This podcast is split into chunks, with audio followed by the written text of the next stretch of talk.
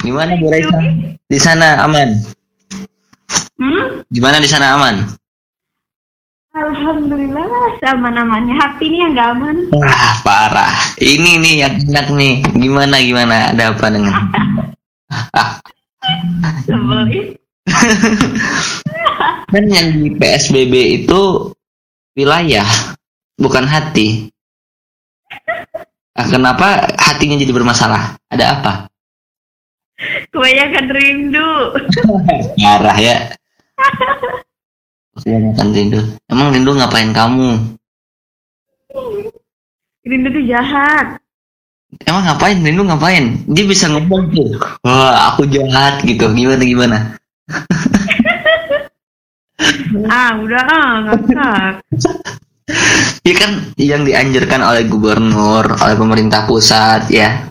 Itu kan pembatasan sosial berskala besar, bukan pembatasan rindu berskala besar. Iya kan? Nah, sekarang Uh, uh. mengapa COVID yang merebak, rindumu yang memperparah gitu? Keluar. Aduh, ini nih, kayak gini nih. Yang kakinya setengah lagi udah nyampe pelaminan. Tujuh tahun loh, Van. Ngeri, ngeri. Pengen tahu dong suka dukanya tujuh tahun itu kayak gimana? Duh, suka dukanya tujuh tahun ya, begitulah. Kayak Kita gimana? tuh terlalu dini memulai, tapi terlambat saling memahami. Enggak, jadi kan dulu tuh mulainya dari SMA, itu kan kayak terlalu dini gitu loh, Pan. Tapi saling memahaminya tuh sekarang-sekarang aja gitu pas udah kuliah gitu udah kalau kayak Raisa punya teman kan banyak tuh laki-laki nggak nggak sampai dia nggak boleh nggak boleh Iya, iya. gini gini enggak gitu Enggak, enggak overprotective banget gitu ya? Dan Raisa pun gitu ke dia, ya buat apa? Sudah dia juga punya kehidupan. Nah, nah ini nih pendewasaan semacam ini yang harus ditanamkan. Kayak kalau ngebandingin tuh dulu sama sekarang, iya dulu tuh kok masalah kayak gini aja gitu sampai di ada-adain gitu. Padahal kan ya biasa aja gitu. Hal kecil jadi masalah gitu ya? Mm-mm, benar berapa gitu padahal. Menurutmu yang kan kamu ngerasain bahwa kalian terlalu dini memulai gitu ya? Dalam tanda kutip mungkin terlambat dewasa gitu. Dan menurutmu faktor apa sih yang bikin dia sekarang jadi lebih dewasa? um, ya, mungkin karena dia lebih sadar bahwa eh ya, dalam hidup tuh dia nggak nggak cuma mikirin tentang asmara aja gitu. Ada hal-hal lain kayak dia harus punya mimpi dia harus menyelesaikan ini. Ada tanggung jawab tanggung jawab lain yang mengharuskan dia tuh fokus gitu ke situ. Jadi Iya, iya, iya. terus eh, lingkungan juga mungkin kan. Hmm, itu lingkungan mempengaruhi banget. Dan aku juga sempet sempet nanya sih kenapa gitu kok eh, dulu tuh kan kayak gimana sekarang ya ya itu karena lingkungan dia yang nggak nggak terlalu bucin nggak terlalu gimana kata dia ya, Hmm, bener. ya gitulah Yang barusan kan kamunya bilang mungkin ada rasa tanggung jawab dan faktor lingkungan ya. Barusan. Iya. Nah menarik tuh kalau tanggung jawab kamu mandang laki-laki itu tanggung jawab tuh gimana sih kalau jadi laki-laki gitu? Dalam hal apa sih utamanya gitu? Cari uang kah atau gimana sih? nah iya itu salah satunya itu. Mungkin tanggung jawab dia ke keluarga. Maksudnya kan kalau keluarga kan ya kan ya sesuatu yang benar-benar apa ya? Yang lebih dari apa pun gitu kan. Prioritasnya tuh gimana gitu kan. Terus dia juga kan harus kerja mungkin ya. Ini kan menjadi meskipun kita dijadikan tujuan dalam hidup dia tapi kan untuk untuk mengejar kita tuh dia harus menyelesaikan yang lain juga gitu dulu gitu kan. Kayak misalkan dulu nih kita kan pasti dalam hidup punya prioritas ya. Ya prioritas itu kan kayak urutan ini dulu ini dulu ini dulu kan gitu ya. Nah kan kita menikah tuh misalnya prioritasnya tuh yang ke berapa misalkan. Kan sebelum kita menikah itu kan kita harus menyelesaikan prioritas-prioritas lain kayak gitu. Betul. Nah, kalau sekarang ke, mungkin terpikir ke situ. Nah, kalau dulu ya secara emosi, secara perkembangan kan kita masih aduh SMA tuh masih gimana sih Pan? Masih aduh. Lingkungan terbaik uh, dari seorang laki-laki itu gimana sih gitu? Maksud aku yang lingkungan nanya aku jadi kayak berubah gini-gini? Gitu. Kan dulu kan dia terlalu oper banget nanya kabar dan sebagainya. Emang dia kan rata-rata gak terlalu individualis kan orangnya individualis terus gak terlalu kalau ngumpul tuh gak kayak ngobrolin masalah perempuan gak gitu. Tapi lebih ke hal-hal yang ya mas masa depan pekerjaan kayak gitu-gitu. Jadi kata dia ya dia ke bawah ke bawah ke bawah-bawah juga gitu. Aku nggak semua hal apa yang dia mau harus aku lakuin dan apa yang aku mau aku harapin dia juga harus lakuin nggak harus kayak gitu gitu. Aku suka tuh keywordnya tuh ngerti gitu ya.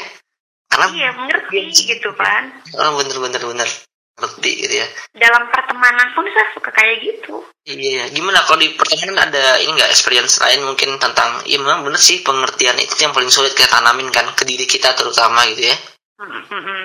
hmm, bener-bener punya pengalaman mungkin kalau sama teman-teman gimana soal pengertian ini Oh, kalau sama temen siapa ya? Saya kayak eh satu kan nggak suka yang rokok ya cowok ya. Hmm, hmm, hmm. Gimana ya kan ya?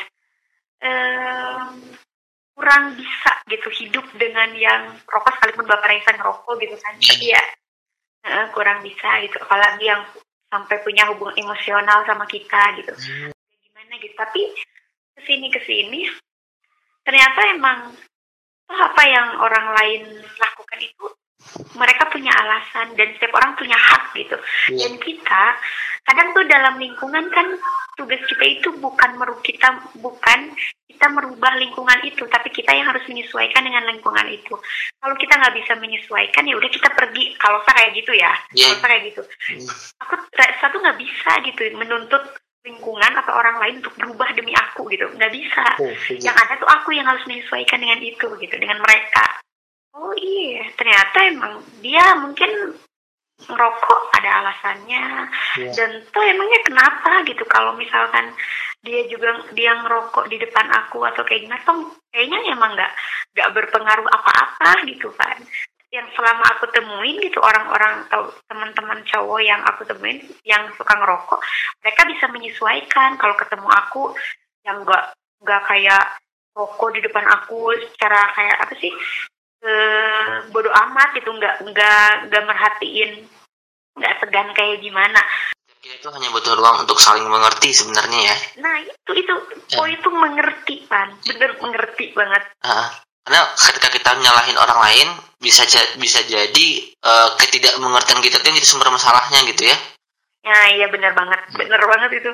Iya iya. Bagus nih aku dapat eh, pencerahan indah di siang bolong kayak gini gitu tapi sama nggak nggak terlalu men, menterbukakan dia kepada keluarga Raisa gitu. Tapi orang cuma keluarga inti aja kayak mama sama eh, bapak tuh tahu gitu kan. Aku pacaran sama dia gitu. Hmm, tapi dia belum belum pernah gitu. Aku kenalin ke rumah sampai ketemu kayak gimana enggak gitu. Tapi kan eh, dua belah pihak antara kamu sama dia nggak pernah mempermasalahkan itu kan? Enggak enggak. Kita ini kok kita soalnya aku punya alasan gitu buat itu kan iya bagus. Kalau intinya kan tadi ya mengerti ya gitu ya. Mm-mm, mengerti. Eh, karena kan takutnya nanti eh, ada prasangka salah satu di antara kalian yang bilang Nah, nggak dianggap gitu ya. Pasti pasti. Menurut nggak dianggap atau ini nggak kayaknya nggak serius. Gimana? Tapi kayak gitu kan. serius gitu ya. Ada ada aja gitu ya bisikan-bisikan setan yang mecahin hubungan gitu. Betul sekali iya bagus sih tujuh tahun dan aku tuh bagus banget ketika melalui tujuh menghadapi atau melewati masa tujuh tahun itu banyak proses belajar yang kalian lalui gitu ya itu yang paling penting. Bener banget bener banget pan ya Allah itu dari bener-bener dari dia SMA Ah, itu ketahuan banget gitu kan perkembangan orang tuh gimana iya iya. perubahan-perubahan yang terjadinya kayak gimana tuh orang tuh bener-bener dinamis gitu. Mm-mm. bener-bener ibaratnya kayak kita ingin membuktikan satu teori kita punya nih Mm-mm. kayak aslinya ya Objek- objeknya objek ya? heeh, untuk membuktikan dari teori itu gitu back to topic kalau seandainya kita bicara tentang suka duka gimana lebih banyak sukanya atau dukanya ternyata sama dia Hmm. lebih duka duka deh kayaknya. Gimana ya kan? Pokoknya aku ya aku, aku akuin ya aku akuin deh. Menurut aku yang namanya prinsip tuh kan sesuatu yang digenggam ya. Iya. sesuatu yang yang kita nggak boleh goyah gitu. Mungkin goyah tapi kan tetap gitu kita harus kadang untuk mempertahankan prinsip itu kita harus berperang dengan diri kita sendiri kan. Aku punya prinsip yang uh, bener-bener kayak gak bisa gitu aku tuh kayak main ke rumah ya. Aku tuh pengen belum ada laki-laki satupun yang main ke rumah aku. Jadi teman kayaknya jemput di luar misalkan hmm. gitu ya. aku tuh pengen nanti itu yang bakalan jadi suami aku gitu. Hmm. pokoknya itu harus dia tuh jadi jadi orang pertama dan terakhir. Pokoknya aku tuh punya prinsip kayak gitu pokoknya kan kali datang tuh yang ngalalin gitu ya? Iya ya bener itu itu bener-bener aku udah presentasi ke orang tua aku. Hmm. sampai kayak keluarga aku udah aku mau jangan nanya. Kan tetangga tuh suka gini ya Pan hmm. mana sih? Kok kayaknya belum pernah ada yang dateng gitu kan. Hmm. ini Raisa tuh sebenarnya punya pacar nggak sih? Oh banyak pertanyaan pertanyaan yang ya netizen lah apa gitunya. Jadi aku tuh gak mau gitu kan kalau misalkan orang tua aku sampai kok belum ngelamar juga udah sering main ke rumah kalau main ke rumah misalkan kayak gitu gitu. Nah aku tuh nggak mau ada pertanyaan jadi gak mau menuntut apa-apa gitu. Aku masih nggak akan nuntut ya sama dede aku mah nggak gak harus. Tapi hal lain aku nggak kan aku tuh bukan tipe kalau perempuan yang harus selalu halalin aku. Kamu harus aku tuh butuh kepastian. Aku nggak kayak gitu Van. Menurut aku hal yang lebih penting yang harus dia lakukan, yang harus dia selesaikan dibanding menikahi kita terlebih dahulu. Okay. Pertama, diri dia sendiri ingat gak ada cinta yang menerima apa adanya. Dan aku nggak mau nikah sama orang yang boros, yang nggak ibadahnya nggak benar. Aku pengen sok kamu tanggung jawab dulu sama diri kamu sendiri sebelum bertanggung jawab buat istri kamu gitu nanti. Aku tuh kayak gitu kan. Iya, ketika kita belum mengatakan siap, bukan berarti kita tidak mempersiapkan kan? Betul. Uh, jadi siap tuh gak harus ngemis ngemis kamu nikahin aku. Ya aku butuh kepastian kamu aku gini gini gini. Aduh aku kayaknya nggak pernah deh kayak gitu pada semua tugas uh, untuk melengkapi diri kita sendiri itu adalah tugas kita gitu. Bukan tugas pasangan kita itu jadi kayak tugas-tugas kita harus menjadi lebih baik atau misalkan dalam ibadah kita harus ya minimal bangun pagi aja gitu kan hmm. itu kan tugas kita gitu bukan tugas orang lain gitu menurut aku kayak gitu bicara ini kan jadi kita keinget keinget sama uh, teori-teori psikologi tentang intimasi kan tentang kedekatan dan aku benar-benar iya. lihat prakteknya itu di kalian gitu ya kan jadi memang hmm. kedekatan kalian itu memang dibangun dari rasa percaya gitu ya mengerti hmm. terbuka gitu ya nah iya. itu kecocokan dan yang paling aku sangat uh, respect banget uh, tujuh tahun itu kalian bisa menyesuaikan diri satu sama lain gitu nggak bergantung dan tidak ketergantungan nah itu nah itu, itu ban terasa banget Aduh, menyimpulkan keren sekali sih. nggak ada kesimpulan kalau nggak ada cerita yang indah kayak kalian. Gimana gimana? Ya kan nggak bakal ada kesimpulan kalau nggak ada cerita indah kayak kalian. Aduh. Eh, benerannya kalian. Aku cuma tukang simpulin aja lah gitu kan. Eh, semoga yang lain tertular ya dengan cerita-cerita supernya ini gitu. Uh, sekalipun kenyataannya tuh nggak nggak manis gitu kan karena apa? Itu tuh nggak romantis kan iya gimana ya aku bilang kalau kamu memfonis sebuah kenyataan hari ini kamu kan nggak tahu masa depan gitu bisa jadi uh. masa depan dia lebih berputar 360 derajat. Sekarang kan masih dulu. Mm benar. Ya kan? Perubahan dia dari SMA ke sekarang aja kamu udah wow gitu. Apalagi mm. nanti gitu kan Allah alam gitu. Ya benar-benar.